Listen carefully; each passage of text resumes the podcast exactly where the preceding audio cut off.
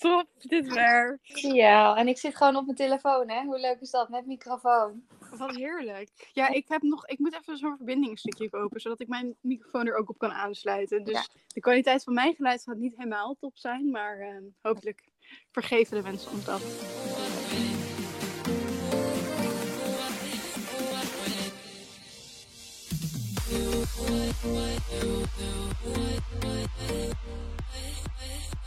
Hoi, ik ben Bobby. En ik ben Daniella. En, En welkom bij de Recovery Club.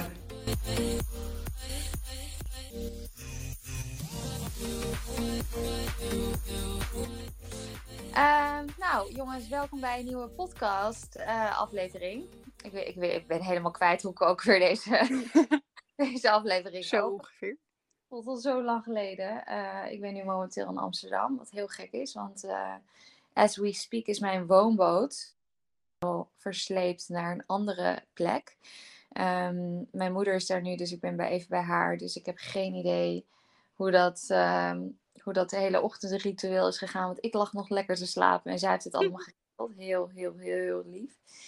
Dus ehm, ja, het is ook wel weer lekker om terug te zijn trouwens. Dus ook wel, Wat eh, fijn. ja, Nederland is toch ook wel, ik weet niet wat het is, maar ja, ik bedoel, het is natuurlijk je eigen taal spreken, dat is al echt eh A+, dat is wel fijn. En ten tweede gewoon het feit, ja, het klinkt heel stom, maar gewoon dat je naar de etels kan lopen en naar de Albert Heijn. Dat je gewoon precies weet waar wat is. In Frankrijk is het af en toe nog een zoektocht en zijn dingen dicht tijdens lunchtijd. Dan gewoon altijd dicht. Zo irritant. Oh, hier is gewoon alles open, weet je wel. Dat je denkt, oh, zo makkelijk. Dus, eh, maar goed, ik vlieg morgen weer terug. De- als jullie dit luisteren, dan eh, hang ik in de lucht. Ehm, dus het was een hele korte trip. En dan ben ik in oktober weer officieel, eh, woon ik op een nieuwe plek. Na 15 jaar op dezelfde plek hebben gewoond. Echt bizar. Ja, heel gek. Maar goed, hoe is het met jou vandaag, Bobby? Ja, gaat wel goed. Ik ben echt vrolijk de afgelopen paar dagen. Echt leuk. Dus ehm, ja, ik heb vanmorgen lekker uitgeslapen. Was wel een beetje bij tijds opgestaan, omdat ik ging bloed prikken. Maar het is zo irritant. Want mijn huisarts stuurt de ene keer een formulier voor bloed prikken bij de ene, eh, bij de ene zorginstelling en dan weer bij de andere zorginstelling. En nu heb ik dus voor de tweede keer al de fout gemaakt dat ik dus een verwijzing had voor de ene zorginstelling en dan bij de ander het, de afspraak had gemaakt. En ze zitten wel op dezelfde locatie, maar op een andere dag. En toen kwam ik daar en zei ze, sorry, dit kan ik niet voor je prikken. En toen dacht ik echt, nou, zit ik hier met mijn goede gedrag om negen uur. Dus dat was een klein beetje jammer. Maar goed, nu Oh. ga ik donderdag, dus het komt wel goed. Oh, en is het voor iets eh, gewoon een eh, random check-up? Of, eh, Nou, het is, ja, het is niet zo heel bijzonder, maar voor mijn, voor, vanwege mijn antidepressivum ehm, moet ik het even laten controleren of mijn ehm trombocyten nog goed zijn. Dus Mm. ja. Oké, ja. Trouwens, speaking of, dat moet ik eigenlijk ook doen. ik stel Nou, lekker- bij deze een reminder. Ja, en het slaat helemaal nergens op, want ik injecteer mezelf. Nou ja, ik, ik zou het wekelijks moeten doen, maar dat, dat eh, doe ik ook wel niet. Eigenlijk ben ik heel stout wat dat er gaat. Zelf dokteren is niet altijd even makkelijk. Dus, ehm, maar ik zou het ook eh, binnenkort weer even moeten doen. Maar heel vaak komt je bloed, bloedwaardes gewoon perfect terug. Dat je denkt, ja, maar hallo, Ja. klopt helemaal niet. Dat heb ik ook altijd gehad. Daar hebben we het vaker over gehad. Toen ik zwaar ondergewicht had. Dat van, eh, hallo, Ja. kan niet. En toch, alles was oké. Maar goed, een ja, bij mij gaat het dus al een tijdje, gaan ze, eh, gaat, gaat deze naar beneden.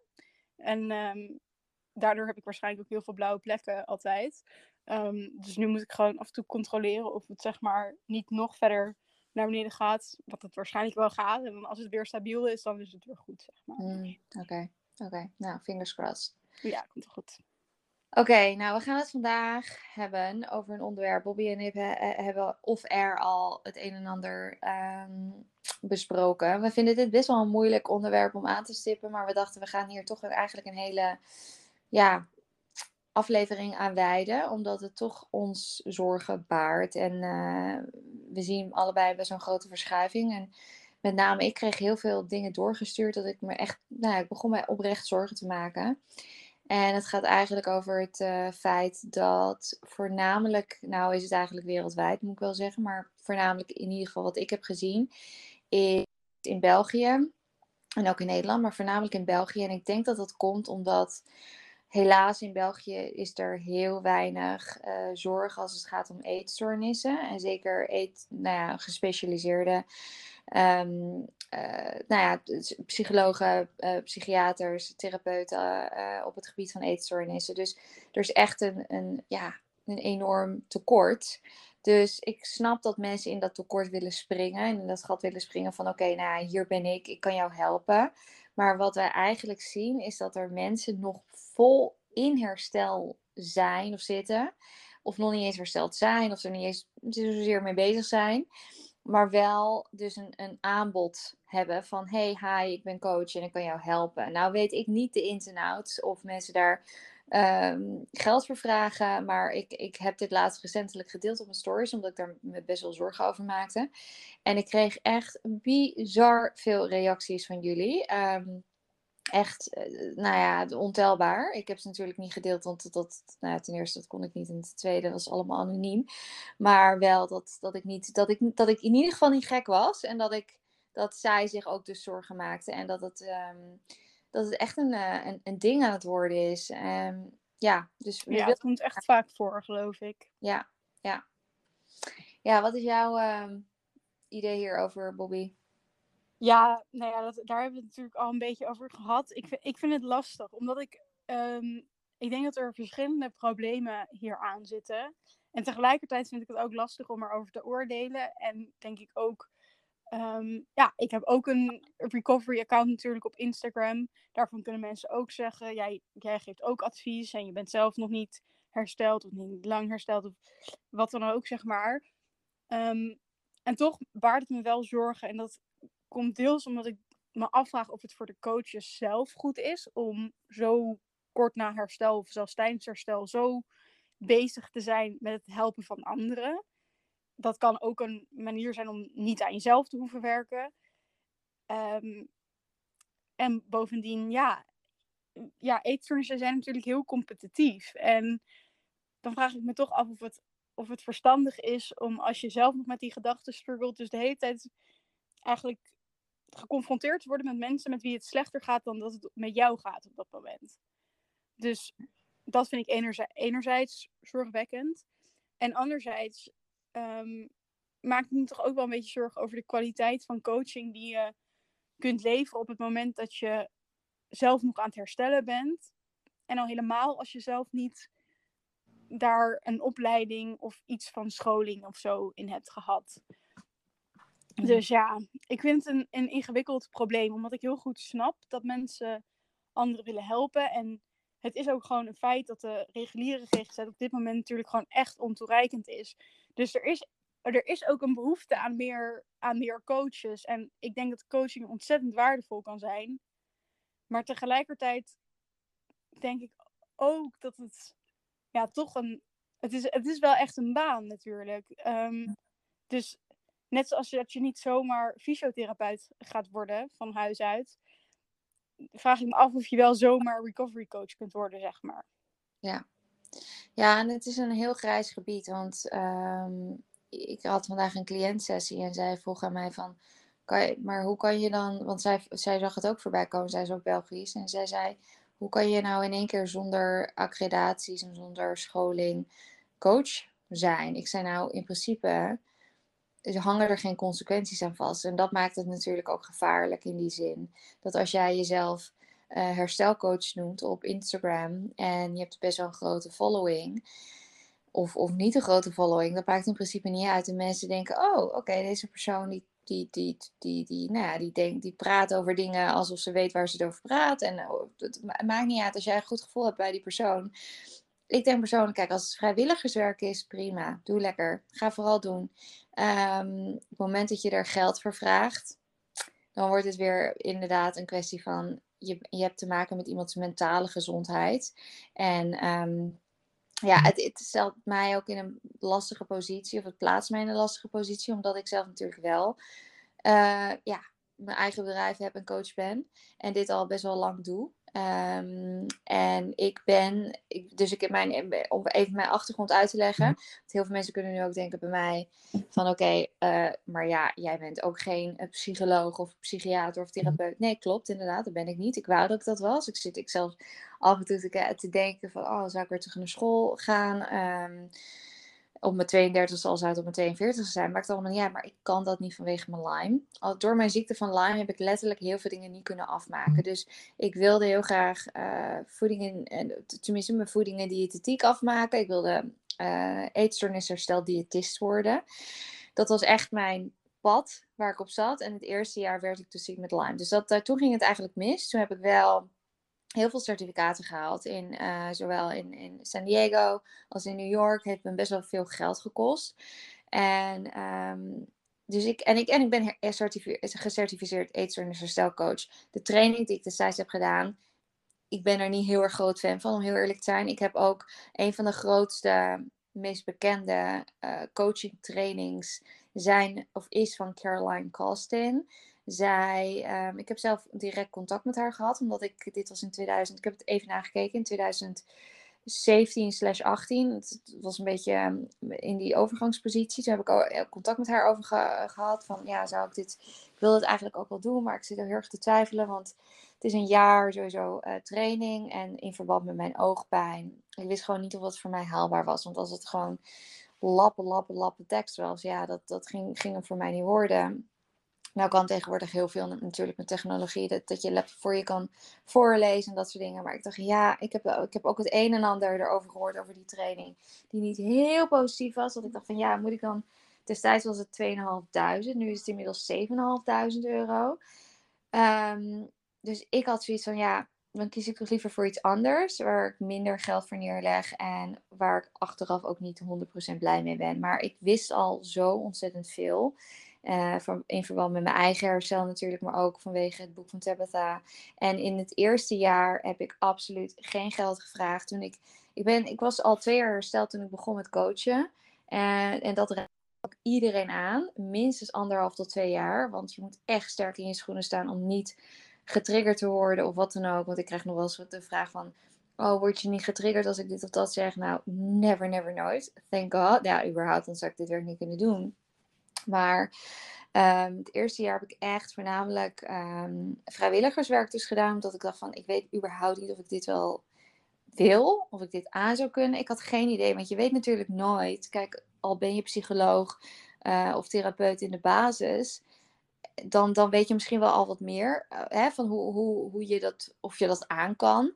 Maar als je zelf een eetstoornis hebt gehad, ik denk dat dat toch anders is als je dan vervolgens ook met eetstoornissen werkt. Want het is toch een bepaalde trigger. Zo kreeg ik vandaag een, een berichtje over mijn oxycodon gebruik. Dat ik daar best wel veel over deel en dat ik dat niet zou moeten doen. Bla bla bla, was heel verhaal. Toen dacht ik, oh jeetje, daar denk ik niet eens over na. Want voor mij is het geen verslaving. Het is gewoon een medicatie wat ik inzet als ik vreselijke pijn heb. Punt. Weet je wel, die end. Maar ik kan me voorstellen dat misschien iemand die een verslavingsverleden heeft, die denkt, oef, dit vind ik lastig om te horen. Dus weet je, ja, dat is heel persoonlijk en individualistisch. Maar mijn aanraden is zeker om in ieder geval eerst twee jaar echt hersteld te zijn. Goed in te, eh, te, te gaan investeren in um, bepaalde trainingen en opleidingen. En, uh, maar zeker niet gaan coachen. Absoluut niet gaan coachen als je zelf nog niet volledig hersteld bent. En sterker nog, ook als jij we zijn allemaal mens. Als je een eetstoornis hebt en je hebt zoiets van: oké, ik ben twee jaar hersteld, ik ga coachen, ik heb al mijn certificaten gehaald. En stel, worst case scenario, laten we hopen dat het niet gebeurt, maar je hebt in één keer een terugval vanwege X, Y of Z reason. Dat kan gebeuren. Je bent mens. Dat maakt je geen slecht mens, je bent mens. Ook weer, stop dan met coachen. Net zoals psychologen ook stoppen met, um, met, met helpen met, met, met patiënten of met cliënten. Omdat ze door hun eigen shit heen gaan. Of door, door een scheiding of weet ik veel wat allemaal. We zijn allemaal mensen, we maken allemaal dingen mee. Maar dat betekent nog niet dat jij degene bent die volgens verantwoordelijk moet zijn voor iemand anders. Uh, mentale welzijn. En, en nogmaals, een eetstoornis is, is, is een van de dodelijkste mentale ziektes die er is. Dus het is niet niks. Nee, zeker niet. Het is gewoon echt zorg er. Ja, je moet er gewoon echt echt alert op zijn en er echt voor zorgen dat je eigen gezondheid komt altijd eerst. Dus als jij denkt van, inderdaad, stel je bent al, al tien jaar hersteld en je bent al vijf jaar coach en ineens gebeurt er iets waardoor die sessies een stuk zwaarder voor je worden, dan is het altijd oké om te zeggen, sorry, maar ik stop eh, tijdelijk, misschien voor altijd, met coachen. Want ja, het, kan gewoon. En soms, soms heb je iets gedaan en is het heel leuk voor een tijdje. En ineens blijkt het toch niet het juiste pad te zijn. Dat is helemaal oké. Klopt, absoluut. Maar je hebt wel je eigen verantwoordelijkheid ook over je eigen, eigen gezondheid. Ja, zeker.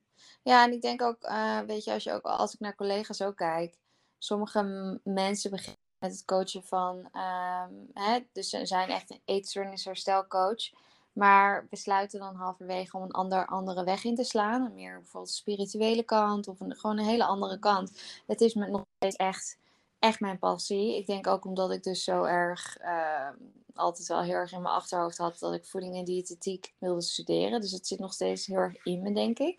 Dat ik ook gewoon heel erg no bullshit nonsense approach heb. En dat ik steeds, ja, ik weet niet, het, het is nooit in die zin. Nou, dat, dat is eigenlijk niet waar. Ik zeg nu dat is nooit veranderd. Dat is, dat, is, dat is niet waar. Want ergens heb ik nu ook zoiets. Ik bedoel, ik ga per november stop ik met het echt met al mijn cliënten. Behalve de bootcamp en met, uh, met de single boost sessies. Maar voor de rest stop ik ook met inderdaad de intensiteit die ik nu heb aangeboden de afgelopen jaren. En daarbij, ik heb ook fout. Ik heb ook op een gegeven moment zeven à acht sessies op een dag gehad. Omdat ik zo, en dat was tijdens corona. Toen was er natuurlijk ook niks. En toen dacht ik, ja, maar ja, iedereen heeft hulp nodig. Oké, dan geef ik die hulp ook maar. En ik ging mezelf helemaal voorbij. Ik dacht, ja. daarna, toen, toen zat ik echt tegen een burn-out aan. Logisch ook. En dat had niets, niets met, me, met mijn eigen verleden te maken qua herstel of wat dan ook. Het had, had meer te maken met, het is weet je, ik ben er ook voor dat mensen tegen mij mogen klagen. Want hè, verontschuldigen mensen zich vaak voor van, oh sorry dat ik zoveel klaag. Nee, daar ben ik juist voor. Als ik naar mijn therapeut ga of naar mijn coach of naar mijn psycholoog, dan klaag ik aan één stuk door. Dat, dat, hoort gewoon, dat, dat hoort erbij.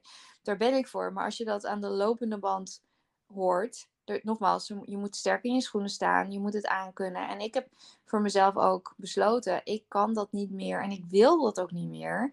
7 à 8 uur op een dag. En ik weet ook niet hoe, hoe mensen dat doen. Echt waar, ik heb mega respect voor mensen die dat wel kunnen. Ik kan dat gewoon niet en ik wil dat ook niet. Dus ik heb besloten, oké, ik kan maximaal drie, vier sessies op een dag en then I'm good. Dat, dat is ongeveer mijn max. Dus um, ja, het is, het is eigenlijk, het is een mhm. beetje, dit is een beetje een disclaimer vanuit ons. Um, dat we gewoon eigenlijk aan jullie willen meegeven van doe ten eerste je research. En vraag ook vooral door. Van oké, okay, uh, eh, wat is je werkervaring? Uh, hoe lang ben jij zelf al hersteld? Um, al dat soort dingen. Um, en ja, het gebeurt wereldwijd. Want ik zie het niet alleen in Nederland en in België. Maar ik zie het wel voornamelijk in, in um, ja, op de een of andere manier dus in België. Misschien is dat toeval hoor. Um, maar ja, het is, het is wel echt een ding. Ja, ik denk dat er, er is natuurlijk sowieso een, een toename aan uh, coaches. En vooral ook online coaches, denk ik, op allerlei verschillende gebieden van ja. het leven. Uh, waarbij heel vaak eigen ervaring wordt gebruikt. En ik denk ook dat dat echt ontzettend helpend kan zijn. Ik denk dat dat het gebruiken van het inzetten van je eigen ervaring om anderen te helpen, kan zoveel uitmaken voor jezelf, maar ook voor, voor de cliënten die je hebt. Dus dat aan zich is natuurlijk helemaal niet een probleem om je eigen ervaring in te zetten. Maar inderdaad, op het moment dat je het misschien te snel daarna doet, kan het wel echt, ja, gewoon um, je eigen herstel ondermijnen. Ik denk ook, we hebben het natuurlijk heel vaak over uh, neural re rewiring. Zo kan het woord dus echt niet uitspreken. Mm, neural um, rewiring. het is echt. Ja, het is echt erg, hè? Ja. Nou goed, daar hebben we natuurlijk veel over. Maar dat, dat duurt ook gewoon even. En um, op het moment dat jij pas net hersteld bent, dan kan het wel zijn dat je niet die actieve gedachten hebt. Maar op het moment dat er dan mensen over je gaan praten en dat er dan oude triggers naar boven worden gehaald, kan dat natuurlijk ook alsnog oude ja, neurologische verbindingen, zeg maar, weer triggeren om aan te gaan. Waardoor je ineens het, toch veel lastiger kan vinden dan dat je eigenlijk het daarvoor vond, zeg maar. En, en daarom is het denk ik ook zo belangrijk om gewoon ja, rustige tijd te nemen. En het is heel nobel dat je mensen wil helpen. Maar zorg er inderdaad, wat jij zegt, voor dat je eerst echt goed stevig in je eigen schoenen staat. En ik denk de beste manier om dat te ondervinden en daar uh, ja, vertrouwen in te krijgen, is door inderdaad eventjes te wachten nadat je zelf hersteld bent. Ja, klopt. Een goed voorbeeld is misschien ook wel, ik zit even na te denken over mezelf, want ik, ik ben zeker niet na toen ik meteen hersteld was uh, in, in deze wereld gedoken. Wat ik al zei, ik heb het een beetje vrijwillig meer gedaan. Ik had een vriendin destijds die ook best wel struggelde. En ik had zoiets, oké, nou, ik kan haar helpen, want ik weet ongeveer hoe en wat. Toen kwam ik ook achter Tabitha haar boek. En, en toen ben ik dus ook certificaten gaan halen. Maar nogmaals, het was echt een, echt een slow burn bij mij. Ik had ook geen idee wat ik er, of ik er echt een fulltime job van wilde maken. Um, maar een van de dingen die wel heel erg met name op de voorgrond speelde. En dat was toen ik net nou ja, ik had al een tijdje Lyme, maar het was nog niet heel lang. Um, en ik kom dus vanuit een hele erge sportieve achtergrond en ook wel een compulsieve relatie met, met beweging. Dat weten jullie inmiddels allemaal wel. En um, ik heb, het heeft bij mij best wel een tijdje geduurd voordat ik oké was. Um, dat mensen het met mij, met mij hadden over hun compulsieve relatie met beweging. Omdat in het begin merkte ik dat ik daar, dat ik daar gewoon nog niet klaar voor was. Dat ik echt zoiets had van, oh fuck, maar dit kan ik dus nooit meer voor de rest van mijn leven.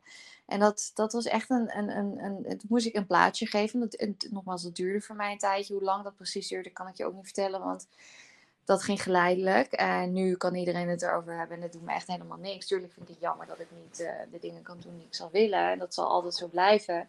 Maar het, het triggert me totaal niet. En dat was destijds wel zo. Dus dat was ook weer een bepaald facet. En zo heb je natuurlijk überhaupt qua eetstoornissen. Je hebt zoveel verschillende soorten eetstoornissen. Je hebt mensen bijvoorbeeld die natuurlijk hè, een, binge restrict cycle of een, een binge purge cycle. Als je juist iemand bent en je hoort de hele tijd over het, stukje braken en dat triggert jou heel erg omdat je dat in het verleden ook hebt gedaan. Het kan zulke kleine dingetjes zijn. Nou, het is niet eens klein, het is best wel groot. Maar het kan van alles zijn waarin je... Ehm, uh, ja, eigenlijk jezelf voorbij gaat. En het is ook een bepaald, ik kan me ook voorstellen, je moet, je zo, het moet, je, nou, je moet eigenlijk zo zien dat als jij je omringt met bepaalde mensen of met bepaalde, laten we zeggen, collega's, vrienden, familie, ze zeggen altijd, you are, um, hoe zeggen ze dat altijd nou? Van you, you are like the people you surround yourself with.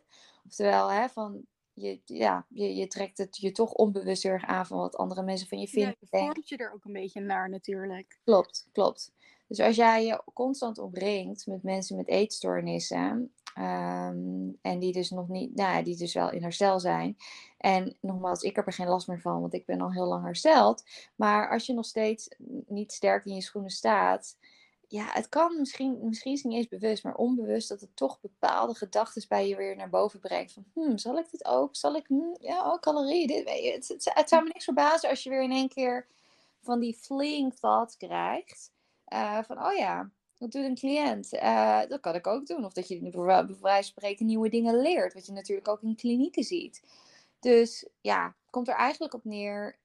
Wees, wees bereid om, om goede scholing aan te gaan. Um, toch wel redelijk, nou, hoe langer je hersteld bent, hoe beter, in, zou ik zeggen. Doe het in, in het begin voornamelijk vrij, op vrijwillige basis. Ook, ook om te zien of je het aan kunt. En um, ja, ga zeker geen geld vragen voor, voor iets waarvan je nog steeds nou, sowieso niet geschoold bent, maar ook gewoon zelf niet hersteld bent. En laten we wel wezen ook, je kan de hele boel bij elkaar verzinnen. Je kan ook weer een paar jaar hersteld, terwijl het nog helemaal niet zo is. Maar ik denk dat mensen dat misschien ook wel aanvoelen, maar ergens ook weer niet natuurlijk. Dus dat maakt het ook wel gevaarlijk, omdat we hier gewoon niet, er wordt, er wordt niets gecontroleerd. Nee. nee. Want eh, denk je dat dat zeg maar. Ja, want hoe sta jij erin als mensen zonder scholing um, inderdaad coach worden? Um, heel moeilijk. Ik vind het moeilijk, want kijk, ik heb een paar collega's die um, niet specifiek eetstoornis herstelcoaches zijn, maar wel ehm, bijvoorbeeld psycholoog zijn en dat soort dingen. En zich wel heel erg hebben verdiept in het hele stukje eetstoornis, alleen dan geen specifiek certificaat hebben. Nou moet ik ook wel zeggen dat er heel weinig echt goede opleidingen zijn met de, of trainingen zijn met de, zeg maar, de visie die ik heb, die Tabitha heeft, al dat soort dingen. Maar ja, er is gewoon vrij weinig. Dus ik begrijp het ergens ook wel.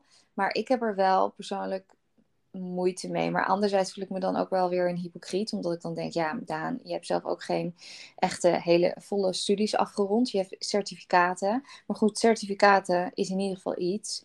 Ehm, het, ja, je hebt scholing en je hebt scholing. Dat is een beetje uh, waar het op neerkomt. Als ja. jij een scholing bijvoorbeeld krijgt vanuit, wat heel erg vanuit de GGZ is. Ja, dan denk ik, oké, okay, is allemaal leuk. Je kan natuurlijk ook een therapeut zijn in de GGZ, maar die heeft ook weer een hele andere visie. Maar je bent wel therapeut in de GGZ, snap je? Dus ja. dat maakt het ingewikkeld. Heel erg straight, straightforward answer op, maar eigenlijk, ja, ik, ik, vind het, ik vind het moeilijk om te zien als iemand echt totaal helemaal geen scholing heeft. Um, en het idee heeft van oké, met het lezen van een paar boeken en een paar video's, dan weet ik al genoeg. Uh, ergens begrijp ik je heel goed, want ik dacht dat op een gegeven moment ook, maar toen dacht ik nee, dit voelt, dit voelt gewoon, voor mij voelde het niet goed, althans. En ik denk dat je voor erg naar jezelf moet kijken en bij jezelf moet nagaan van wat voelt wel goed en wat voelt niet goed. En um, ik zou het mezelf niet, ja, ik zou mezelf niet kunnen verkopen te zaakjes op die manier van jongens, uh, kom gezellig bij mij allemaal in coaching. En terwijl ik vervolgens helemaal geen achtergrond heb in. Ehm, weet je, ik, ik geef bijvoorbeeld ook advies over voeding en al dat soort dingen. En ik mag dat ook doen vanuit mijn achtergrond. Maar ik zou dat never nooit doen. En ook met suppletie en dat soort dingen mag ik ook doen. Maar zou ik ook never nooit doen als ik dat niet, als ik daar geen certificaat voor heb of geen scholing voor heb. Ja, dus ja, dat is een beetje mijn antwoord. Beetje vaag, maar ergens ook weer niet. Ja, dat is ook. Ik denk dat het inderdaad een beetje een ja, het is heel persoonlijk, denk ik ook. Het ligt ook aan de coach, aan hoe je dat verkoopt. En ja, ervaring is, is natuurlijk ook al iets. Ehm, daar kan je mensen ook mee helpen, inderdaad. Ja. En ik, wat jij zei over jouw Instagram, heel lief dat je dat zegt. Van ja, um, ergens kunnen mensen denken, je bent, uh, jij, jij, uh, you also educate people on your Instagram. Mm Iets totaal verschillends, hè, Bobby? Ik bedoel, Um, je vraagt er geen geld voor. Je bent, de, hoeveel influencers zijn er wel niet? Of, of, of gewoon mensen met een account die informatie verspreiden. En, ja, nee, dat is zeker waar. En er zijn ook mensen, ik heb, ik heb zat mensen, die, die disagree with me. En dan zeg ik altijd, well, let's agree to disagree. Je, we hoeven het niet met z'n allen eens te zijn. Ik heb een bepaalde visie. Mijn success rate is best wel hoog al ja, dat, dat, kan ik gewoon zeggen. Ja. Um, en dat, is, en dat, dus, dat, dat, heb ik ook moeten leren. Om te kijken van, oké, werkt dit? Ja, oké, let's go. Laten we doorgaan met deze aanpak. En daar heb ik ook in moeten leren. Um, en ook hoe je je businessmodel opzet en al dat soort dingen. Dat is allemaal, nou, dat, dat ga ik hopelijk jullie ook ooit een keer leren. Maar um, als jij gewoon een Instagram-account hebt en je, je deelt dingen over jouw eigen ervaring of over herstel in het algemeen fantastisch. Daar hebben we dus veel meer van nodig. Want toen, toen ik in herstel was, toen waren er bijna geen accounts zoals dat nu is. Nee, precies. Ja, ik vond het zelf ook altijd heel helpend als ik inderdaad mensen zag. En ik denk ook wel dat, ja, ik heb, want ik heb die kritiek wel eens gekregen van dat ik uh, niet het advies, dat ik mensen niet advies mocht geven. En dat vond ik echt hilarisch, want ging over het advies wat ik iemand had gegeven, dat ze, dat ze moesten eten. En toen zei iemand, je bent helemaal niet qualified, je mag dit advies helemaal niet geven. En toen dacht ik, wat moet ik dan zeggen? Nee hoor, je hebt geen eten nodig. Verhonger maar gewoon. Starve yourself to death. Het was zo raar, maar goed. In ieder geval, uh, soms krijg ik wel dat verwijt van ja, uh, je, bent ook helemaal, je hebt helemaal geen scholing erin. Maar er is natuurlijk wel een verschil tussen inderdaad je eigen ervaringen delen. En ik bedoel, ik ben ook open en transparant over het feit dat ik uh, geen scholing heb daarin. Um, niets in mijn bio zegt ook van dat ik coach ben of educator of psychologist of wat dan ook, want ik ben het allemaal niet. Mm-hmm. Ja. En ik denk inderdaad, als je een account hebt en daar je eigen persoonlijke ervaringen mee deelt en deelt wat voor jou helpend is, um, ja, dat, dat kan prima, zeg maar. Tuurlijk, dat kan ook fout gaan. Daar moet je ook op letten hoe je ermee omgaat. Zowel voor jezelf als voor anderen. Maar inderdaad, het is wel iets anders dan ja, gewoon echt coachen. Absoluut, absoluut. Ja, en ik denk ook, het, het moet echt bij je passen. Coaching is, is niet niks. Net als het, ik heb altijd met fascinatie gekeken naar alle therapeuten en psychologen. Dat ik dan in de wachtkamer zat en dat er weer eentje uitging. En dan ging ik weer, er weer eentje naar aan. Dat ik dacht, oh my god, hoe doen deze mensen dit?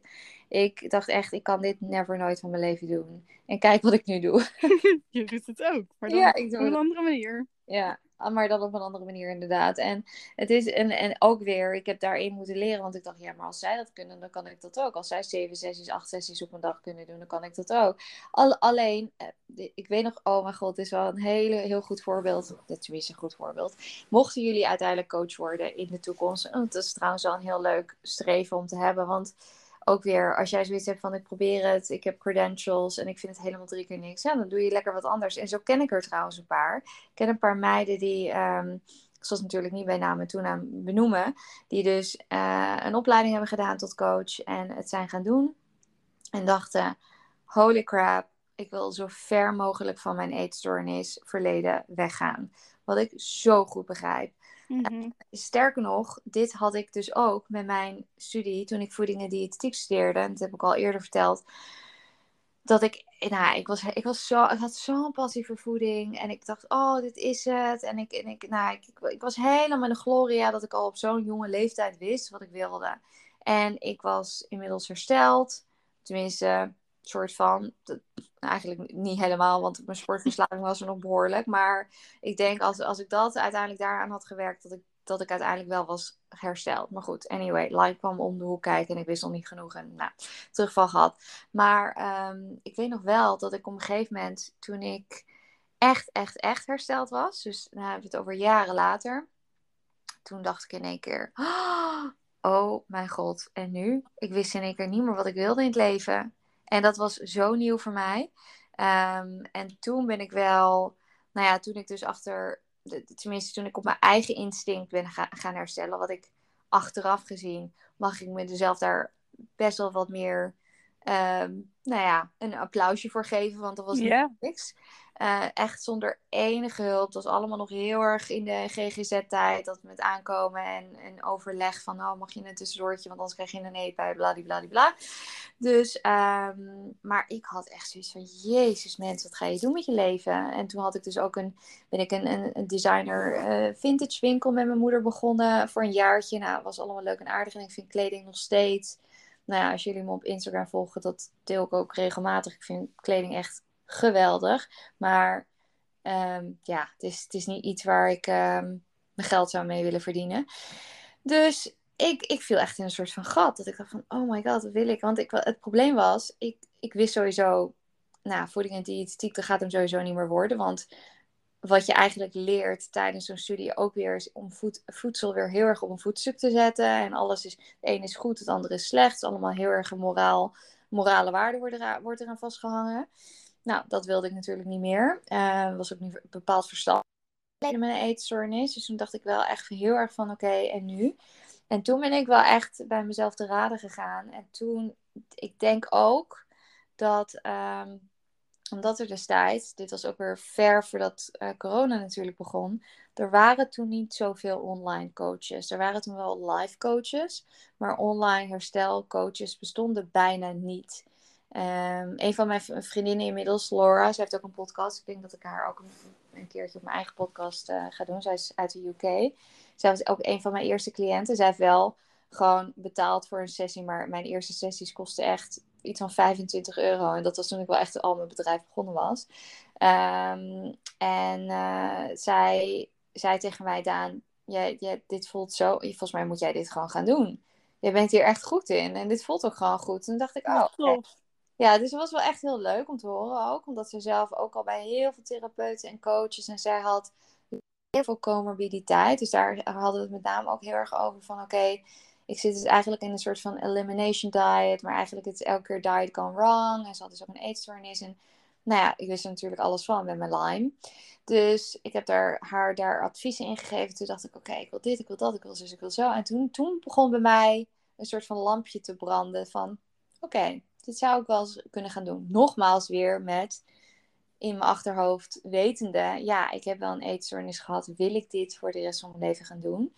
Nou, uh, fast forward vijf jaar later um, is, mijn, is mijn hele businessmodel, mijn bedrijf ook anders geworden. Want ik, ik ga vanaf november dus ook stoppen met uh, mijn cliënten die in de huidige programma's zitten. En er gaan allerlei andere projecten aankomen. Nou, dat zullen jullie vanzelf voorbij zien komen. Maar dus alles verschuift op een gegeven moment. Dus ik wil eigenlijk meegeven hierin. Dus mocht je ooit denken van ik wil het gaan proberen. Ehm, en je hebt de credentials, je hebt de scholing. Ga het proberen, maar weet ook, je hoeft het niet voor de rest van je leven te doen. Als jij denkt van dit past niet bij mij. Wat ik ook heel veel heb voorbij zien komen. Lekker iets anders gaan doen. Precies. Ja blijf naar je eigen gevoel luisteren en kijk of je er gelukkig van wordt. Ja. Ja, het is een beetje met alles zo hè, in het leven. Het is een case van trial and error, ook met verschillende studies. Hoeveel mensen beginnen wel niet aan een studie en denken halverwege... Oh mijn god, hell no, uh, get me out here, toch? Ja, herkenbaar. Ik bedoel, ik ben begonnen aan een studie, gestopt met een studie... Uh, toen een andere studie gaan doen en nu ga ik toch weer terug naar mijn eerste keuze. Dus ja. Weet je, soms uh, soms maak je, schat je het toch even verkeerd in. Dat is helemaal oké. Ja. Dat soort verhalen wat jij net zegt, dat, dat hoor je vaker dan wat, wat, ik, wat ik eigenlijk vertelde. Van ik wist vanaf, vanaf jongs af aan al wat ik wilde worden. En daarom was het een soort van klap in mijn gezicht. Dat ik in één keer niet meer wist wat ik wilde. Ik, ik viel echt in een gat. En dan kunnen we het ook. Dat is misschien ook een mooi onderwerp om het een keer over te hebben. Van wie ben ik zonder eetstoornis? Want dat was voor mij van hè, identiteitscrisis. Van maar waar, waar klamp ik me nu aan vast? Ik, ik, weet het niet meer. Voeding is voor mij in die zin niet meer belangrijk. Um, als, als in eten is eten, that's it. Uh, of het nou voedzaam is of niet, het interesseert me allemaal niet. Dus um, misschien moeten we het daar volgende week over hebben. Maar ja, ja ik, ik vind het uh, fijn dat we dit op deze manier hebben kunnen aankaarten. En mochten jullie, ik heb, ik heb namelijk zelf dus heel veel feedback gekregen op mijn, op mijn stories. Ik heb ze niet opgeslagen. Maar ehm, mocht je zelf met een verhaal zitten, um, je mag me mailen. Eventueel um, op danielvenk.hotmail.com of op uh, Bobby en ik. We hebben allebei, we hebben een, natuurlijk at, The Recovery Club. At, nee, wacht. The Recovery Club. Podcast. Ja. Geleden dat die heb benoemd. Uh, je mag daar natuurlijk een DM naar ons sturen als je zelf een verhaal hebt of, of vragen of nou, verzin het maar. Uh, schroom niet om, uh, ja, om een, uh, een, vraag te stellen of iets toe te voegen. Inderdaad, of je als je gedachten, ervaringen hebt die je wilt laten weten naar aanleiding van deze podcast of een andere podcast, dan ja, voel, je, voel je altijd vrij om dat via welk kanaal dan ook te doen. Precies, exact. Ja, nou, fijn dat we dit hebben kunnen aankaarten. En nogmaals, ik hoop nie dat niemand zich persoonlijk aangesproken voelt, mocht, mocht dat wel zo zijn, I would say look inward. Um, maar dit is niet, hè, we're never throwing anyone under the bus. Het gaat erom dat Nee, zeker niet. Nee, dus we willen echt iets aankaarten wat... En dat zullen we blijven doen. Dat is gewoon onze rol nu ook, denk ik, een beetje in deze podcast. Dat we dingen aankaarten die... Uh, nou ja, die, die zeker in, in ons landje, in Nederland. Nou, België is niet ons landje, maar zeker als Nederlanders vind ik dat belangrijk. Toch? Zeker, ja. Ja, oké. Nou, heb jij verder nog uh, laatste, laatste woorden? Nee. Okay. Laat een review achter en ik hoop dat jullie het leuk vonden. Yes. Nou, dat, uh, dat blijven we zeggen. Oh, en, en, steeds meer mensen doen dat. Dus als, uh... Alright, nou dan spreken wij jullie volgende week. En een hele fijne dag verder. Doeg! Doeg!